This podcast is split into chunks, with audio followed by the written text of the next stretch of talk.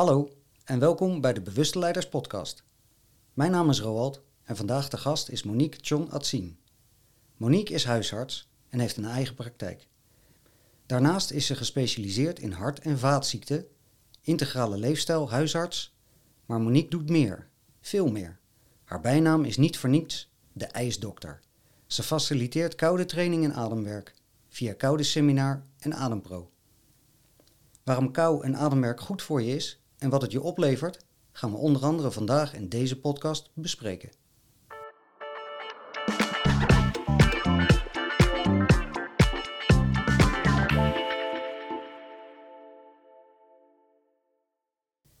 De Bewuste Leiders podcast heeft nieuws. Uit reacties is een Bewuste Leiders aanbod gekomen. Gericht op mensen die graag een transformatie of doorbraak willen maken in hoe ze dingen aanpakken. Die merken dat ze geremd worden door zichzelf of de buitenwereld. Klinkt dat interessant? Kijk dan op www.bewusteleiders.nl/slash aanbod. Vind je dit een waardevol gesprek? Help dan het bereik te vergroten en deel de link met vrienden en bekenden via social of app. Hallo Monique. Hallo Roald. Hallo. Tof dat we een moment hebben kunnen vinden om elkaar te spreken. Ja, zeker. Want jij bent erg actief. Je bent huisarts, koude trainster, ademwerk, meditatie, leefstijl. Als openingsvraag. Hoe komt het dat je bent gaan faciliteren wat je nu aanbiedt? Nou, dat is een, best wel een verhaal. En die vertel ik heel graag. Dus daarom ben ik ook blij dat ik hier in deze podcast eh, ben. Het is begonnen toen ik 32 jaar oud was. Toen ben ik met schilderkunst in aanraking gekomen. En dat was voor mij al een soort transformatieproces, kan je zeggen. Waarin mijn leven best wel veranderd is. Waarin ik van huisarts met de eigen praktijk merkte dat de kunst mij heel veel waardevols bracht. Dat zat hem vooral ook in heel veel energie, rust. Dingen waarvan ik dacht dat ik ze wel had, maar doordat ik ging schilderen zelf, kon ik die ervaren. Mhm. Wat vooruitspoelend naar nu acht eh, jaar geleden bijna, ben ik via een grap in de Koude Zee terechtgekomen. Bij een huisartsnascholing. Ja. En zo'n beetje acht jaar geleden was koud waterzwemmen helemaal nog niet een hype. Dat is het nu Nee. wel, hè, sinds corona. En ja, dat was voor mij de tweede life-changing event in mijn leven, moet ik zeggen. Na zo'n beetje anderhalf jaar in de zee zwemmen, ben ik met het ademwerk in contact gekomen. In eerste instantie was dat de Wim Hof ademhaling. En daarna ben ik een ademopleiding gaan doen, Transformation Breath. Ja. En dat eh, is wat mijn leven zodanig veranderd heeft. Dat ik, ja, dat ik nu hier ben, dat ik nu hier zit, ook tegenover jou zelfs. ja, want jij, jij hebt nog steeds gewoon je normale huisartsenpraktijk. Ja, zeker. Ja. Ik ben ook echt, ik weet, als ik me voorstel, denk ik altijd, waar begin ik mee? Begin ik met dat ik huisarts ben? Begin ik Mhm. met dat ik koude trainer of eh, ademtherapeut ben? Ja. Ehm, nou, schilderen is echt meer als hobby, maar dat ben ik ook. Dat doe ik te weinig, doordat ik nu eh, veel met kou en adem bezig ben. En nu, eh, een aantal jaar later, want een aantal jaar geleden zei ik altijd, ja... En in het dagelijks leven ben ik ook huisarts. Mhm. En nu, een aantal jaar geleden, ben ik bij een opleiding terechtgekomen, bij de AIM, afkorting van Academy of Integrative Medicine. Mhm. Daar ben ik naartoe gegaan om les te geven over koude training, zo'n beetje nu drie, vier jaar geleden. En die opleiding ben ik ook gaan doen. En het mooie daarvan is, is dat nu, ja, ook in mijn dagelijks leven als huisarts, maar ook mijn kou- en ademtrainerwerk zich echt geïntegreerd hebben. Ja, want voor, voor Nederland wa- is kou, nou, hoe moet ik dat zeggen, relatief nieuw. Of voor het grote publiek wordt het nu pas bekender. Terwijl in andere eh, culturen, Rusland, Noorwegen, eh, daar is het onderdeel van. Ja, dat klopt. Ja. En hoe, hoe zie je dat dan, dat dat hier nu zo op gang is gekomen? Wat, wat brengt koude training je dan? Ja, allereerst heb ik het zelf mogen ervaren. Echt jarenlang heb ik eh, beleefd, hè, de ervaring door naar de zee te gaan. Ik ga bijna dagelijks eh, naar de zee, lig ik daar in het water het hele jaar door. Ja. En ik merkte op een gegeven moment, eigenlijk al meteen al na de tweede keer dat ik in de zee ging, dat er ja, bijna net als een openbaring, dat eh, toen ik het water in ging voor de tweede keer in mijn leven, dat ik dacht, hé, hey, hier zit wat in. Dit Mhm. is iets zo moois, zo waardevols. Je moet je als het ware voorstellen dat de eerste keer dat ik eh, het koude water in ging in april, was er geen haar op mijn hoofd die ook maar erover dacht om in april de zee in te gaan. Mhm. En het was een soort grapje bij een huisartsennascholing. Dat ze zeiden, nou als ik tien huisartsen zover krijg, of artsen, om de zee in te gaan, gooien we de discotheek open. en ik heb dat toen gedaan midden in de avond. Het was donker met tien andere collega's. En ik had daarna heel veel energie op de dansvloer. Ja. Niet wetende achteraf dat dat door het koud water kwam van de zee. Ja.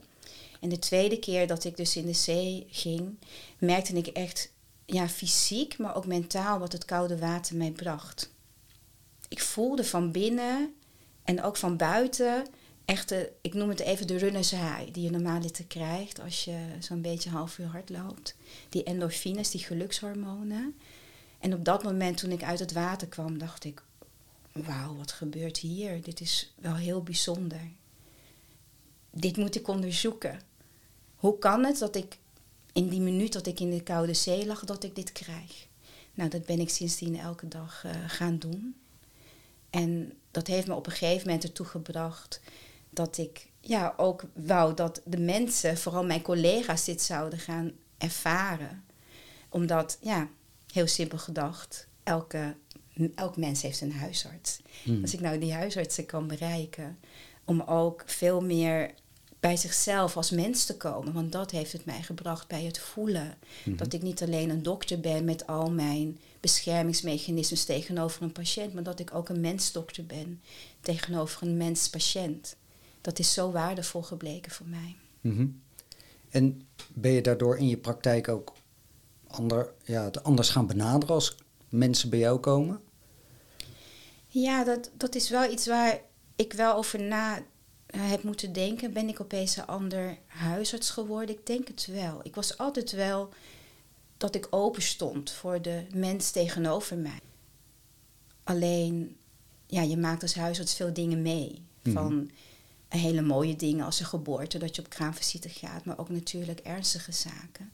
En ik denk wel dat ik in de loop der jaren wel een soort ja, banden om mijn hart heb gemaakt als beschermingsmechanisme om het ook niet te voelen. Mhm. En het voelen, dat is wel precies wat ook de kou en later ook de adem mij bracht. Ja. En jij, jij hebt dat gecombineerd, net als Wim Hof eigenlijk, maar jij, jij hebt er dan weer een, een ander soort vorm van ademhaling heb je er eh, van gemaakt eigenlijk, toch?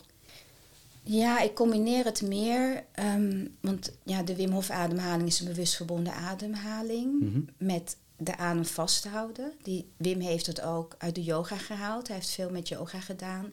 Ik ben ook bij hem in opleiding geweest. En bij Casper van der Meulen trouwens. Dat is wel het mooie dat... eh, ik ben eigenlijk ook door Casper opgeleid. Mhm. En hij is ook de eerste die mij met ademhaling in contact bracht in de Polen in een weekend.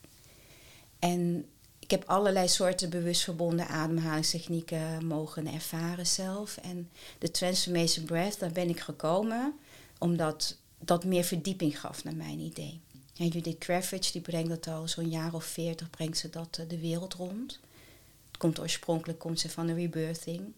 Oorspronkelijk komen alle ademtechnieken uit India. En voor mij is het zo dat de verdieping in het adempatroon leren lezen, maar ook daarin helpen. Dus faciliteren door aanrakingen, door woorden te noemen. Ja, daar combineer ik het eigenlijk mee als ik uh, hier uh, cursussen geef. Ja, dus de verschillende lagen bij mensen. Dus je gebruikt het gehoor, maar ook de tast en ook de ademhaling zelf. En wat, wat levert een verbonden ademhaling mij nou op? Stel, wij gaan hier liggen op een matje en je laat mij, uh, nou ja, het kan ook op een stoel natuurlijk, maar jij laat mij een aantal oefeningen doen. Wat gebeurt er dan in mijn systeem? Ja, ik doe verschillende soorten. Kijk, als je bij mij in het ijsbad zou gaan of in een koude bad, dan gebruik ik vaak de bewust verbonden ademhaling met retentie. Mm -hmm. Dus dat je ook je adem vasthoudt. En dat blijkt een hele goede voorbereiding voor kou te zijn. Dat trouwens niet alleen. Daarna gaan we ook echt een goede gewrichtsgymnastiek en warming-up doen. Dat heb ik vanuit uh, winterzwemmen Russische traditie eh, geleerd. Van Ewout Staatjes. Dat is ook een van mijn leraren, zeg maar. En ehm, de andere techniek, de bewust verbonden ademtechniek, heeft een heel ander doel. De transformational breath. Mhm. Dat heeft meer een doel dat je ook echt mentaal en emotionele eh, dingen kan integreren.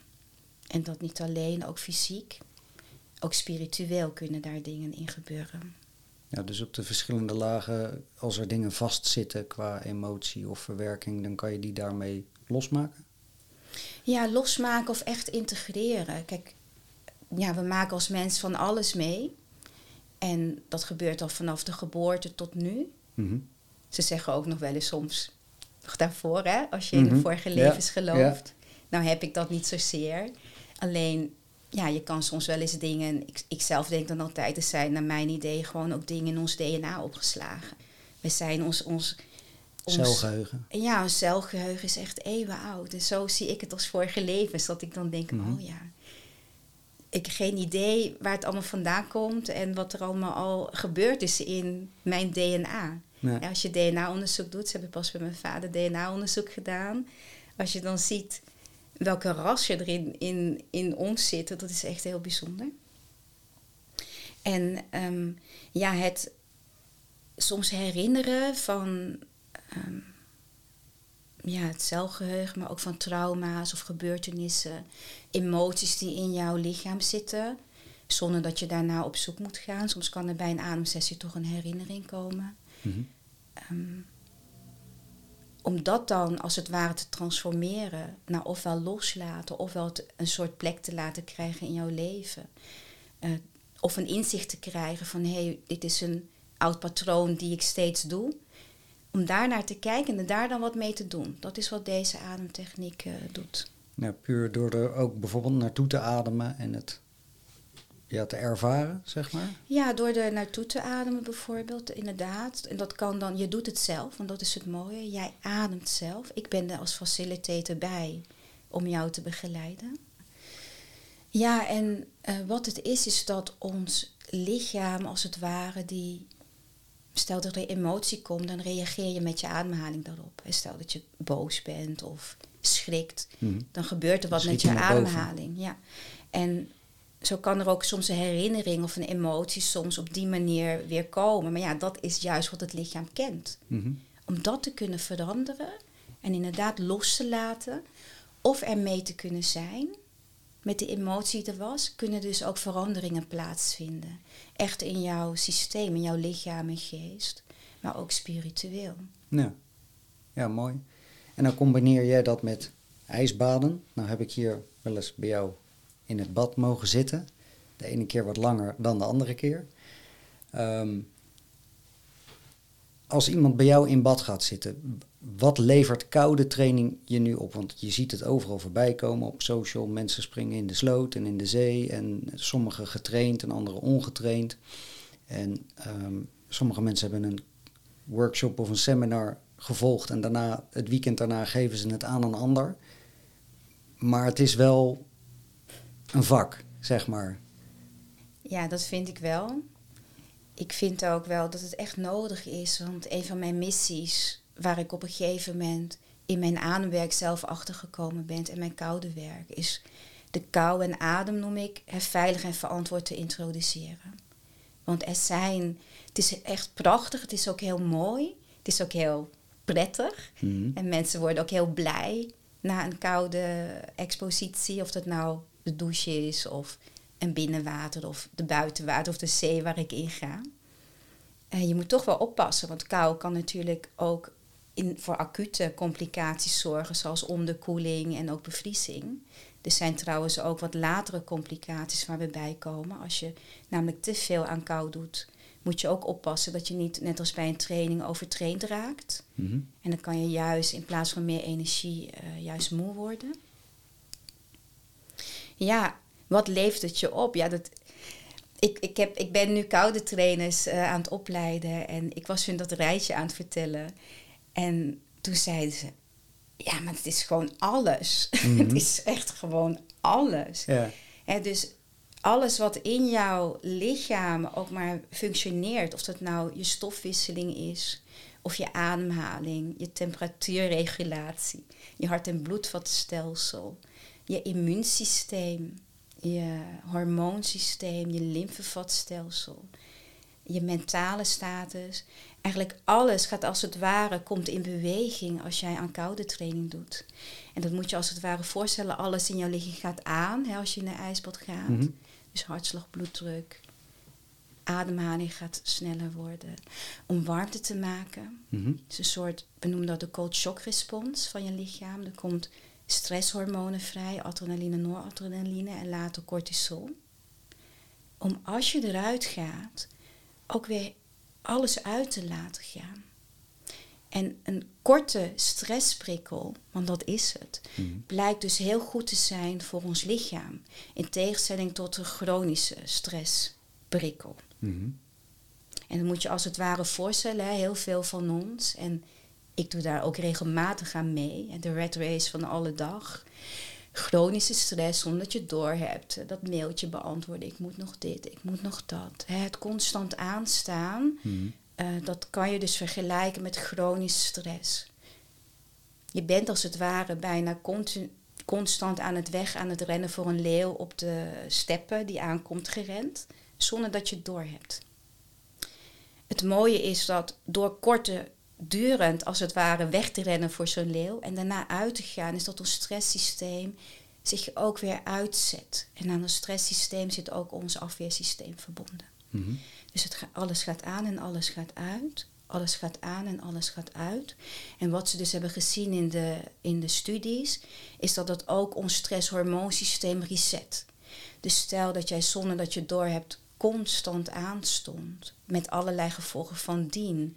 Waarbij burn-out bijvoorbeeld een van de belangrijkste ehm, dingen zijn die we nu zien, hè, door constant aan te staan. Maar het kunnen ook auto-immuunziektes zijn, als bijvoorbeeld reuma of darmaandoening of allergieën. Dan, als je daar niets, niks aan doet, dan, eh, ja, dan heb je zonder dat je het door hebt, word je ook echt ongezonder. En eh, ontstekingen zijn voor ons lichaam niet zo heel erg goed. Er zijn in ons lichaam, uit te leggen, je hebt ook laaggradige ontstekingen. Ehm, En die heb je al bij voeding bijvoorbeeld? die heb je al bij voeding, Ja. maar die kan je dus ook krijgen door chronische stress. En dat weten heel veel mensen niet. Maar dat komt doordat eh, de cortisol als het ware wat aangaat bij een stressreactie na adrenaline en noradrenaline langdurig te hoog blijft.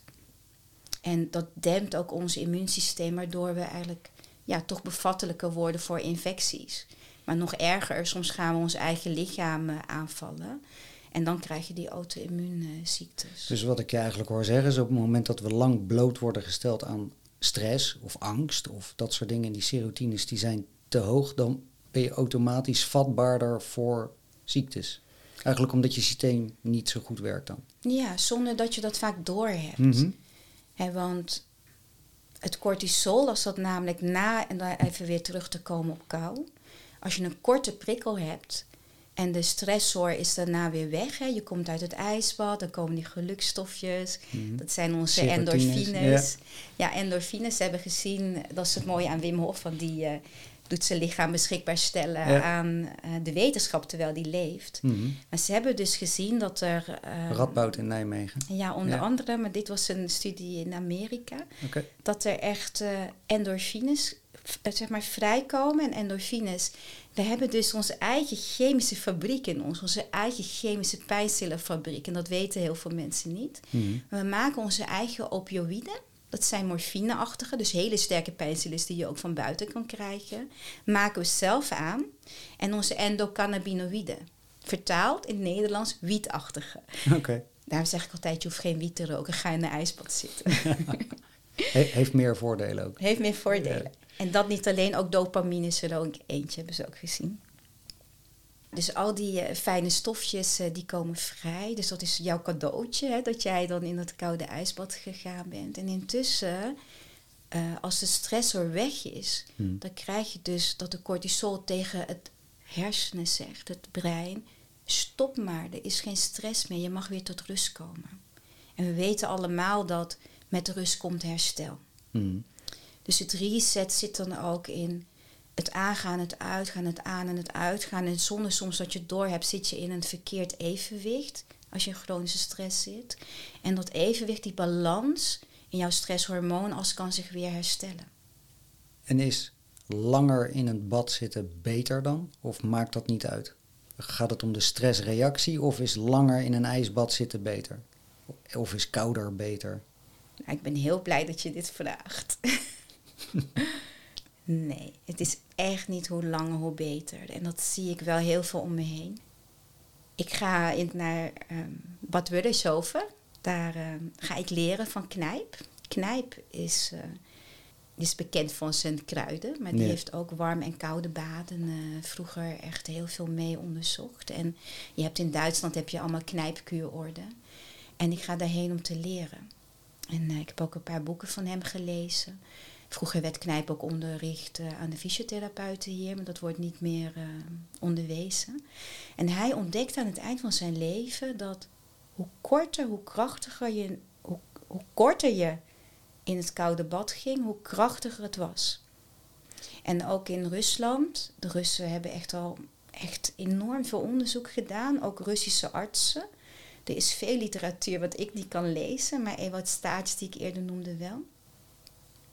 En die hebben ook gezien dat hoe krachtiger je gaat, hoe beter het is. Vooruitspoelend naar hier. Mm. Grote studie in 2015, de Cool Challenge. Hebben ze iets van 3018 mensen hebben ze een maand lang laten koud afdouchen. 30, 60 of 90 seconden. Mm. Na een maand hebben ze ook gekeken, ook van, nou, hoe vaak waren ze ziek? En het bleek dat al bij 30 seconden koud afdouchen, dus na de warme douche de douche op koud draaien, en 29% minder ziektemeldingen waren. Combineer je dat met sporten, was het iets beter, was het iets meer, net over de 30%. En ja, voor mij is dat wel een reden ook om in het veilig en verantwoord koud te introduceren, om de ander door deze wetenswaardigheden, om ook hier ja, dat ook te promoten. Want ja, hoe langer is niet beter. In die eerste 20, 30 seconden, eigenlijk die eerste minuut in ijswater. heb Die eerste stressreactie. Ja. Daarin gebeuren al die gezondheidseffecten. Dus- Al op, ja. Ja, dus ik hoef niet vijf minuten in mijn, Nee. in mijn achtertuin. eh, Nee. Nee, dit is natuurlijk wel afhankelijk van eh, de watertemperatuur. Is het Mhm. water minder koud, dan eh, kan je er wel wat langer in zitten. Maar heb je het over ijswater, en dan praat ik over een temperatuur onder de 4 graden Celsius. Dus vanaf 3,9 graden Celsius wordt het water de, al ijskristallen. mhm. Dus eh, dan heb ik het echt over die temperatuur. Hoe korter, hoe krachtiger. Oké. En wat is het dan als ik langer zit? Dan krijg je een soort brown fat activatie krijg je dan. Dus daar, daar zit wel iets achter dat als ik langer daarin ga zitten, dat het iets met mijn stofwisseling of vetverbranding doet. Maar dat heeft dus niet heel erg effect op die gezondheidsvoordelen die eh, koude training heeft. Jawel, bruin vet is wel een van de belangrijkste activatoren die ook al wel in ijswater ook zo kort ook al aangaan, Oké. naar mijn idee. Ja, Ja. Ook, eh, ook door koude lucht. Mhm. En eh, bruin vet heet in het Engels non-shivering thermogenesis. Dus de niet rillende thermogenese, Mhm. opwarmen. Dus dat activeert als je niet rilt.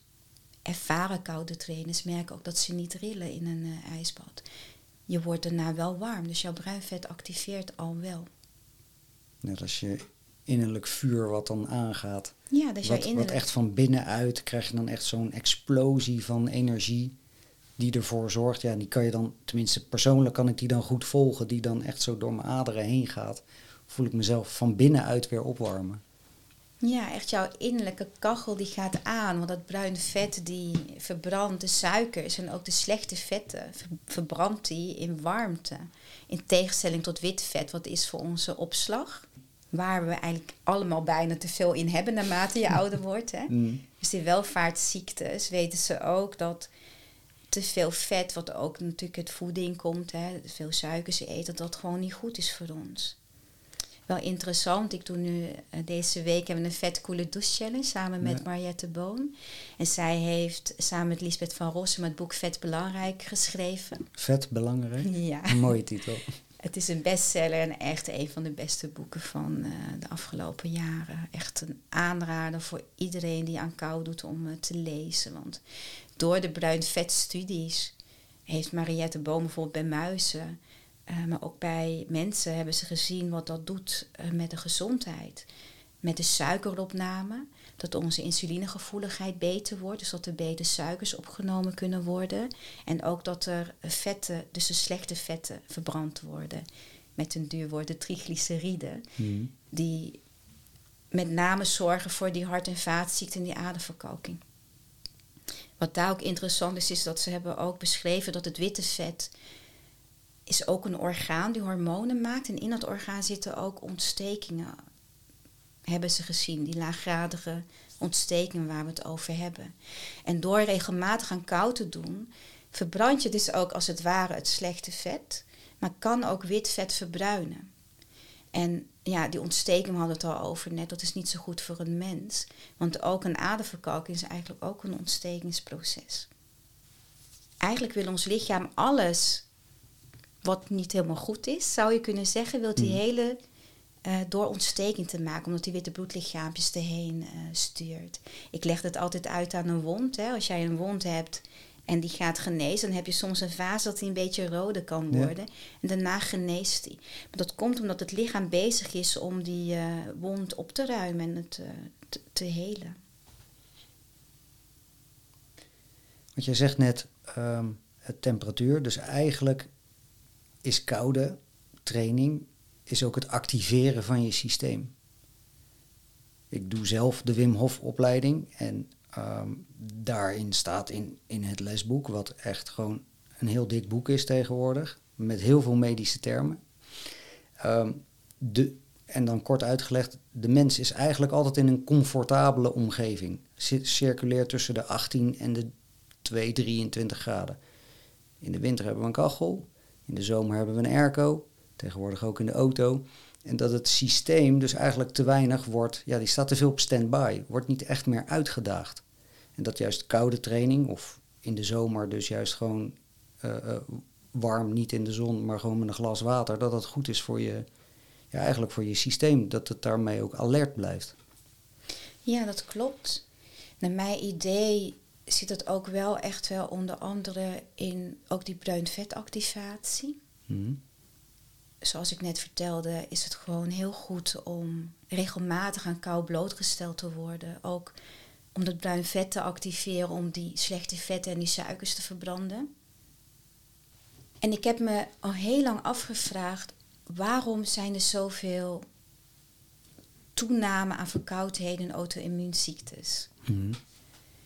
En je kan je als het ware voorstellen dat ons lichaam, doordat we de kou buitensluiten, want we vinden allemaal de warmte veel prettiger en eh, hebben dat massaal omarmd, ehm, dat naar mijn idee die warm-koud balans eh, niet alleen in ons lichaam eh, van slag is. Maar zoals ik altijd al zeg, alles wat in het klein is in een cel is ook in het groot, dus ook in ons lichaam, maar ook in de, in, de wereld, zelfs in het universum zowel klein als groot. En, ehm,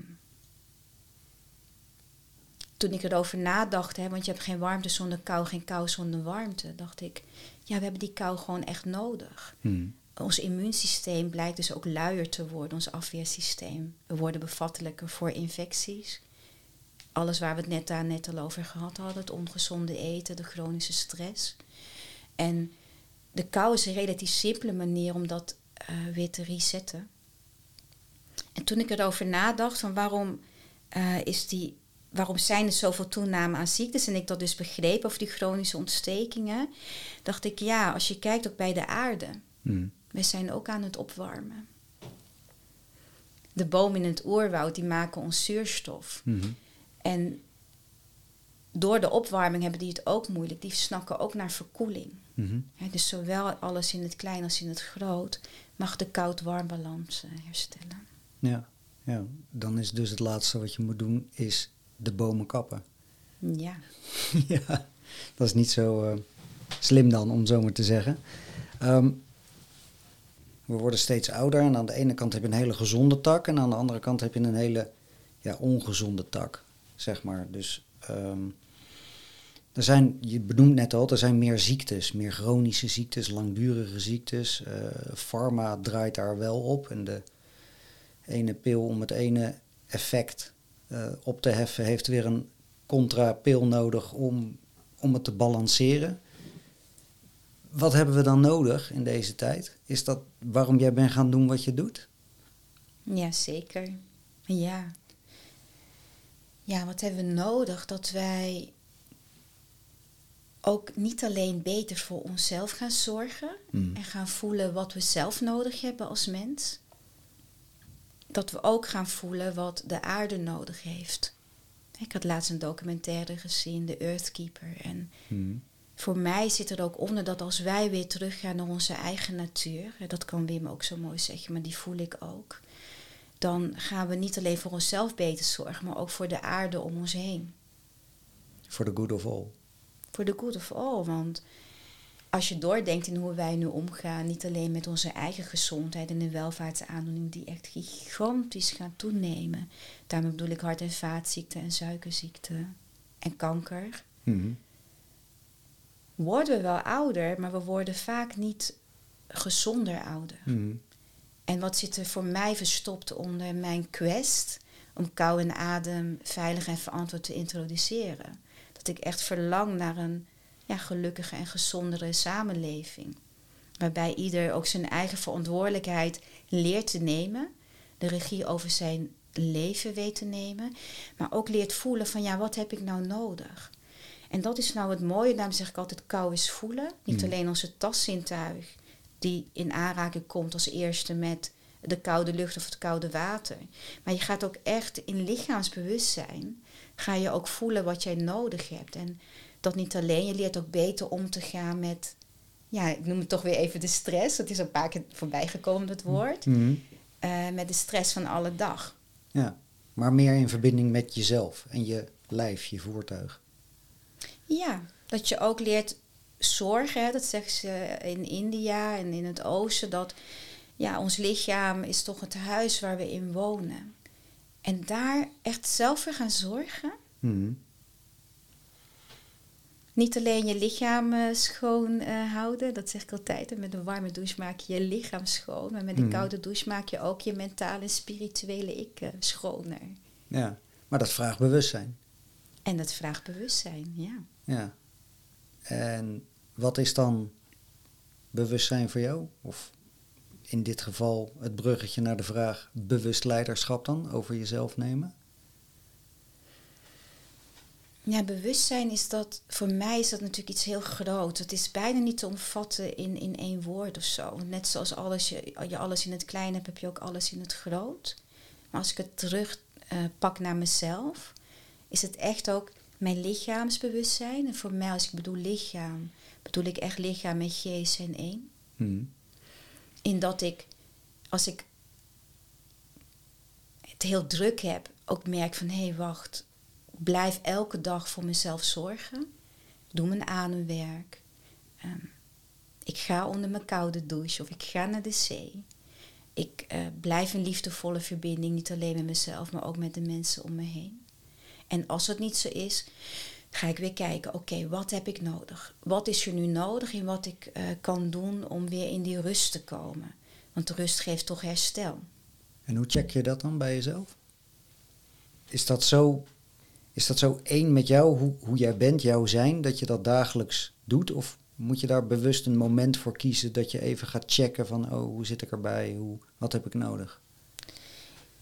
Ja, het, het is een soort van één geworden waarbij bijvoorbeeld als voorbeeld als mensen me vragen, ben je al in de zee geweest? Dat ik dan niet eens antwoord weet te geven. Het is gewoon een soort routine. Mhm. Natuurlijk is er discipline wel voor nodig, een soort van. Want elke dag ademen, ik doe het ochtends als ik wakker word, mijn ochtendroutine. Stel dat ik een nachtdienst heb gehad, nee, dan duik ik natuurlijk mijn bed in en doe ik het s'avonds. Dus ik neem daar wel echt de tijd voor om wel die momenten uh, te nemen om daar bij stil te staan. En is dat dan vijf minuten, tien minuten, half uur? Ja, ik denk dat je zo'n beetje half uur uh, Oké. kan rekenen. Per Ja. dag? Eh, ja, soms langer, want ik, eigenlijk is het wat meer, want met het ademwerk en dan naar de zee rijden en weer terug gaan, ben ik toch wel iets langer. Ja, snap ik. Ja. Ja. Ja. Nou ja, ik, ik vraag het omdat mensen ehm, bij mij ook wel eens vragen van... ja, maar hoe doe je dat dan? Ik probeer regelmatig eigenlijk minimaal vier keer in de week... samen met Suzanne ochtends eh, te mediteren, ademhalen... eh, een beetje yoga, rek- en strekoefeningen. Ja, daar ben je gauw 20, 30 minuten bij bezig. En, en we hebben twee kleine kinderen en die zitten dan aan tafel. Maar hoe doe je dat dan? Ja, dat is eigenlijk hetzelfde wat jij ook zegt. Discipline en gewoon inbouwen in je, in je programma eigenlijk. Maar dat is wel er bewust voor kiezen. En dan door blijven voeren. Dagelijks. Ja, echt dagelijks. Het is een soort van dat het op een gegeven moment, wat, dat zei je net zo mooi, is het één met jezelf geworden. Ja, het, is gewoon een soort, het hoort erbij. Het is niet meer weg te denken. Voor mij is adem- en koude training echt niet meer weg te denken uit mijn dagelijkse leven. Op een gegeven moment ga je het gewoon leven en beleven. En dat is zo mooi dat eh, ik ook in, in wat ik hier doe in koude seminars bij Adempro, dat ook mag uitstralen en dat mag doorgeven aan mensen. Daar ben ik echt. ehm, ik zeg, hè, doordat ik ook die opleiding heb gedaan met de Academy Integrative Medicine, ik doe daar ook iets meer, want ik ben ook al wat bezig bij. Dus ik ben ook in de onderwijscommissie, ik ben ook daar eh, nu de jaarcoördinator van het eerste jaar, dus nu twee jaar. En ja, wij zijn wel de artsen van de toekomst, naar mijn idee. De integrative medicine, de integrale artsen, leefstijlhuisartsen, die echt bewust zijn van ook een andere manier omgaan met gezondheid, het andere gesprek voeren met mensen.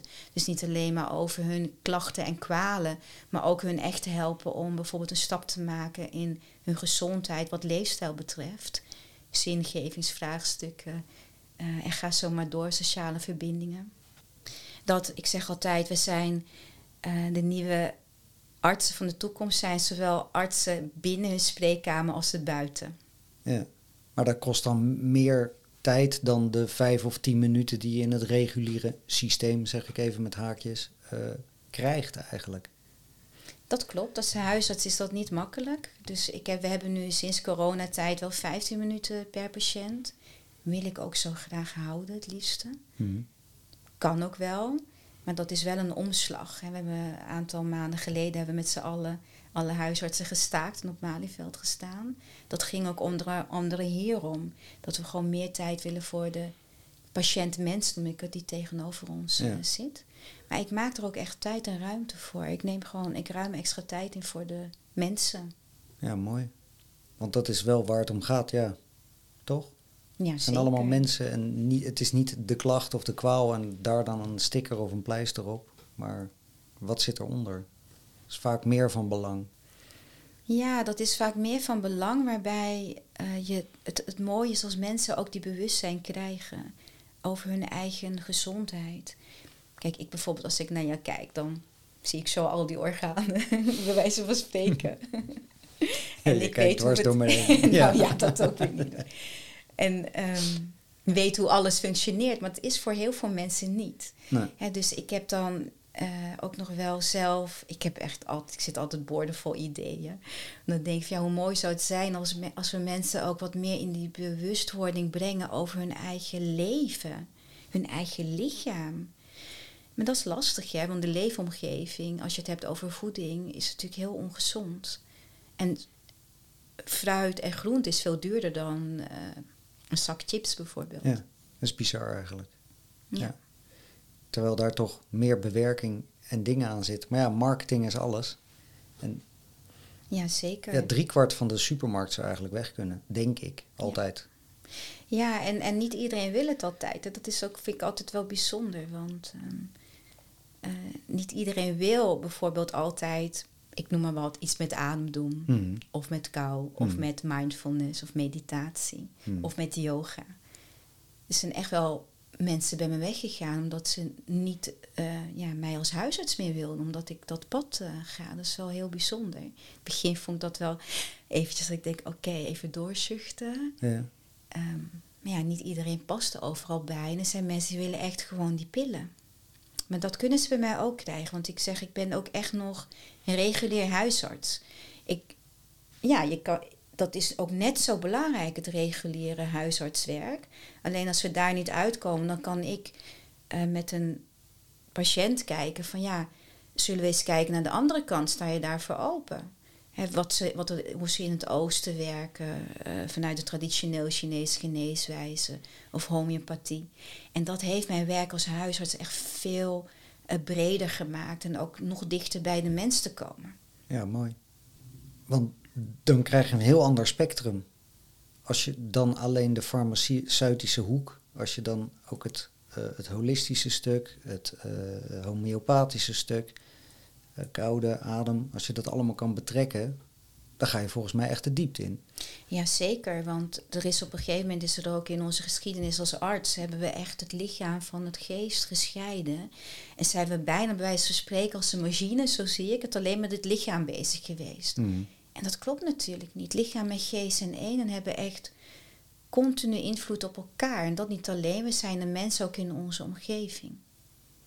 En die bewustwording, ja, dat is wel iets wat uh, niet alleen mijn collega-artsen, maar ook wel ik zelfs aan patiënten moet uitleggen. -hmm. Ja. Nu zei je er straks dat jij, uh, je doet een hoop dingen, een hoop mooie dingen. En dan organiseer jij ook niet alleen dagen, uh, koude dagen of trainingen of opleidingen geef je ook, maar je doet ook reizen. En daar zie ik op Instagram wel eens een hele mooie foto van voorbij, komen, van een trip hier en een trip daar. Wat, wat faciliteer je allemaal buiten een mooie trip? Wat gebeurt daar dan? Nou ja, ik moet dan eigenlijk teruggaan naar de oorsprong waar dit vandaan komt. Want uh, mijn koude en ademreis, noem ik het, heeft mij ook gebracht met wat is mijn droom? Wat, wat, wat zou ik hier op aarde nog willen doen? Daar heb ik het ook echt met patiënten wel eens over. Mm. Waarom ben je hier op aarde en wat wil jij hier doen? De adem laat je begrijpen dat je hier bent, of die laat jou voelen dat je hier bent. En ik zag voor me dat er een soort, ik noem het even een Reboot Your Health centrum of iets komt, waarbij mensen die nog, die ook gezond zijn, maar ook mensen die herstellende zijn van ziekte, dat ze ook kunnen komen en ja, hun gezondheid elke keer een boost kunnen geven. Leren hoe ze dat kunnen doen. Ben je weer thuis en denk je, hé, hey, ik heb weer wat nodig, dan kom je weer. Mm. Een soort in navolging van de, van de kuurorde die je wel in, in Zwitserland, Duitsland hebt. Alleen hier is het wel een actief iets. Het is niet zo dat je gepamperd wordt en dan even lekker uh, passief uh, het je mag uh, laten gebeuren. Nee, je komt echt in die activiteit. Want activeren, dat is wel belangrijk. Ja, en van daaruit is denk ik geleidelijk aan ontstaan wat er nu is. Hmm. Ik heb een aantal jaar geleden Koude Seminar opgericht. En we hebben hier... Ja, ja een prachtige werkruimte. Ja, dat, ja. dat was helemaal nog niet zo. Want mijn partner geeft hier uh, schilderles.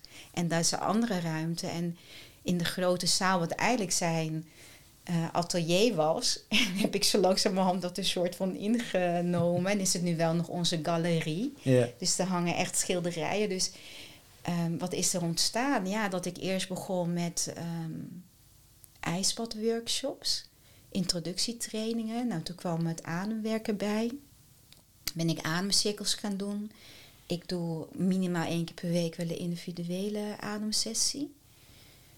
Um, ik uh, gaandeweg in coronatijd, nou ben ik dus koude trainers gaan opleiden. Hebben we Adempro opgericht samen met uh, collega die al heel lang Transformational Breath ademcoaches opleidt en een psycholoog. Geven nu zorgtrainingen, ademtrainingen voor zorgprofessionals. Hebben we onze eerste bewust verbonden ademcoaches opgeleid en het gaat maar door, het gaat maar door. En, ja, wat, en de inloopijsbaden zijn ook zo'n beetje vorig jaar zo ontstaan. Toen dacht ik, nou laat ik kijken of de animover is er op maandagochtend. En dat was er. Ja. En de retraite is eigenlijk pas dit jaar. Ben ik voor het eerst een uh, retraite naar Noorwegen uh, heb ik georganiseerd. Waarbij we aan bewust verbonden ademwerk en kou hebben gedaan op een fantastische plek uh, in Noorwegen. Daar gaan we nu ook weer heen volgend jaar. En ja, ik heb nu in september heb ik voor het eerst iets met vrouwen gedaan. Dus ik, denk ook, wat gebeurt hier allemaal? Ja. En eh, ben ik met een groep vrouwen zijn we naar Normandië gegaan om daar aan zomerse kou- en ademwerk eh, te doen. En zo eh, gaat het maar door en door en door en ontwikkelt zich vanuit hier, eigenlijk vanuit hier eh, heb ik laatst ook bedacht, ja, wat, wat is dit eigenlijk? ja. Wat is dit wat hier aan het ontstaan is? Dat is echt een olievlek. Ja. Ja. En ik ben eerst begonnen met, ik noemde het eerst een gezondheidsschool. Toen zei iemand, Monique, mensen willen niet naar school. Oké, nou toen werd het kenniscentrum kou en adem. En nu, deze week is het woord, ik noem het even gezondheidsinstituut kou en adem, eh, zo tot mij gekomen. Ja. En eh, nou, die voel ik wel. En ja, het Reboost Your Health, dus echt eh, hier komen en dat gebeurt eigenlijk al. Het, het is gewoon hier al aan het ontstaan. Dit is de bron als het ware waar dit allemaal uit voortkomt. ja, en dat zag ik. Dat kwam bij mij op de radar. Dus toen dacht ik van ja, ik moet Monique echt gewoon spreken in de Ja. podcast. Want ja, dat, een mooi verhaal en een mooi gesprek en een mooie missie. Dus dat vond ik heel, eh, vond ik heel leuk. En stel ik wil met jou naar Noorwegen. Ehm, kan iedereen eraan meedoen? Wat gaan we daar dan doen? Hoe werkt dat ongeveer? Nou, er zijn sowieso, is er, is er voor koude training zijn er contra-indicaties. Dus je moet wel een goede gezondheid hebben. Heb jij, ben jij zwanger? Zou ik zeggen, nee, je bent een Nee, man. Dus nee. dat Ja. Ja, maar ook epilepsie is ook een contra-indicatie. Net zoals mensen die al hart- en vaatziekten hebben of slecht werkende nieren, die wat ouder zijn. Dus ja, je moet wel een goede conditie hebben. En bij voorkeur echter wel wat ervaring met kou. Dat kan ook koud douches zijn, maar ja, voor we daarheen gaan kan je ook hier of bij anderen aan koude training doen. Of een ijsbadervaring eh, beleven. Ja, en verder is er niet zoveel voor nodig. Alleen maar heel veel zin om eh, mee te willen gaan. En de plek is daar echt een prachtige plek. Echt, ik ehm, wist er niet zoveel van. Maar de plek zelf is door de mooie natuur aan de meer en aan de waterval al een soort helende plek. Hmm. En dat heb niet alleen ik ervaren, ook in de zomer is het prachtig. Maar de mensen die nu mee waren naar Noorwegen, die hebben dat ook echt eh, wel als een life-changing event eh, ervaren. Ja, dan mag je je eigen wak gaan zagen. Ja, en dat vind ik wel heel leuk, want kijk, Wim Hof is heel bekend. Hè? Hmm. Ewout Staatjes die heeft winterzwemmen, Russische traditie noemen we het nu, naar Nederland gebracht. Ook al tegelijkertijd met Wim Hof. Hij is veel minder bekend. Wat het is, is dat het ijswakzwemmen van 25 tot 30 meter komt echt uit Rusland. Hmm. Dus je hebt in Noorwegen heb je ook een, ja, een walrusclub is daar ontstaan. Dat heeft Ewout heeft meerdere walrusclubs eh, opgericht. Maar volgens de Russische traditie dan ja, de trainingen worden gegeven. En dat, dat is dus eigenlijk wat ik ook hiervoor echt combineer. Mhm.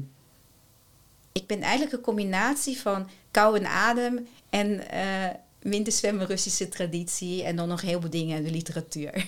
Ja, ja, en dat gaan we daar doen. ja En dat- mooi. En als mensen daar meer over willen weten? Ja, ze kunnen op mijn website kijken, www.koudeseminar.nl. En daar staat het een en ander op. Ja, de Noorwegen-retreat, dat was echt binnen een maand al vol, hè. Dus eh, ja. ja, je hebt ook geen honderd plekken. Nee, dat snap ik. Ehm, als, als de huide, zie jij de huidige tijd als een transitietijd? ja, zeker. Ehm, ik denk dat voor mij heeft corona, de tijd waar we in zaten, heel veel zichtbaar gemaakt. En waar we al in zaten. Hmm. Waarbij je mensen eh, ziet die van onwetend hun leven leiden, weinig in beweging zijn, weinig in een proces zijn. Ehm, dus ik kijk vooral naar mijn professie in gezondheid en bewustwording. Mensen die daar op verschillende lagen ook in dat proces zitten. Hmm. Waarbij anderen weer heel spiritueel zijn, soms bijna te. En de mensen die, ja, dat, dat hoor je natuurlijk ook, hè, die wakker worden, of als het ware. En wakker wordt is natuurlijk ook je bewust worden van waar we het net over hadden. Over dat het anders mag gaan dan dat we nu doen. Ja. Daar zijn naar mijn idee wel steeds meer mensen aan het komen. En ik zeg soms wel eens, hè, want ik heb wel, eh, als je de bewust verbonden ademsessies doet die ik geef, dan kan je dus ook wel mooie beelden krijgen, maar ook visioenen. En in een van die ademsessies kwam op een gegeven moment ook waarom ik hier op aarde was. Oké. En En dat was best wel een heftige sessie. En daarna werd ik zo wakker en ik dacht... Nou, ik ben hier om uh, licht te verspreiden, ook liefde. Mhm. En wat ook kwam is dat ik zelf denk dat wij eigenlijk als mensen daarvoor ook hier op aarde zijn. Om elkaar, als het nodig is, te geleiden op ons pad. En de ene keer heb je die nodig en de andere keer die nodig. De andere keer heb jij mij nodig, de andere keer heb ik jou nodig. Ja. En waarom dat goed voor is, dat is denk ik iets voor het hogere uh, goed, weet ik niet. Nee. Maar ze hebben ook wel echt uh, in onderzoeken gezien, dat is zo leuk aan mijn studie bij de EAM, dat wij ook echt licht uitstralen, hè, onze, onze cellen. Dat moeten ze dan natuurlijk wetenschappelijk bewijzen. Ja. En ik denk dat dat een soort functie heeft en waarvoor weet ik niet. Ik denk soms wel eens van, net zoals alles in het klein is in mijn lichaam, waarin de witte bloedlichaam is ook niet weten dat ze in een groot lichaam zitten, in de mens zitten. En die cellen die daarin zitten, waar elke dag cellen geboren worden, opgeruimd en, en uh, doodgaan en dan weer nieuwe geboren worden, kan het ook zo goed zijn dat wij ook een onderdeel zijn van een groter geheel, waar we helemaal niet weten wat. Waar we geen idee over hebben. Nee. nee. Zijn wij in essentie niet allemaal licht en liefde? Ja, dat vind ik wel. maar dat denk ik dat andere mensen denken, wat hebben ze het nou over? ja, ja, dat snap ik. Maar ja, dat, is wel, dat is wel een beetje wat, ja, waar ik achter ben gekomen de, de laatste jaren. En wat ik ook echt ben gaan voelen. Dat het, dat, dat zeg maar een soort van de essentie is. En dat alles eromheen alleen maar ja, afleiding of bagage of misschien een uitdaging is. Maar niet wie we werkelijk zijn. Ja, en het proces van het worden naar, of het voelen van dat we inderdaad uh, die licht uitstralen, maar ook vanuit de liefde mogen leven. Nou, dat is, als je mij vraagt, Monique, wat heeft de kou en adem en ook de kunst, hè, dat is voor mij heel belangrijk. Wat heeft jou dat gebracht? Dan is dat het. Dat ik vanuit de liefde mag leven en dat dit de middelen zijn die tot mij zijn gekomen, waarvan mijn artsenschap een hele mooie en belangrijke is, waarin ik ook het kou- en ademwerk kan integreren. En daar op mijn manier een manier heb gevonden om daar de mensheid ja, ook die richting te geven. Nou, mooi. Als ik hem even plat sla, dan hoor ik je zeggen... De, de, de kou en de adem heeft mij een poort gebracht naar licht en liefde. Ja, om daarvan uit te leven, daarvan uit te gaan, daarop te vertrouwen. En ik denk wel dat uh, ik heb altijd al geweest als kind, geweten als kind, er is meer tussen hemel en aarde dat we niet weten. En dat is er nog steeds en daar weten we ook nog niet alles van. En maar het geloof in iets wat groter is, dat, dat heb ik wel. Hmm. Ja. En dat is voor iedereen weer anders. Of zijn, Ja. eigen, zijn eigen zoektocht, denk ik. Dat denk ik wel, ja. Ja. ja, mooi. Ik vind het een mooie afsluiting, Monique. Mag ik je bedanken voor je tijd en je kennis en je kunde. En heel veel succes met Koude Seminar, Adem Pro. En natuurlijk ook nog als huisarts. Ja, dankjewel. Het was heel leuk om hier eh, aanwezig te zijn met dit gesprek. Mooi, dankjewel. Vind je dit een mooi gesprek? Geef dan een duimpje, aantal sterren of deel de link met vrienden en bekenden via social of app. Dankjewel voor het luisteren en tot de volgende keer.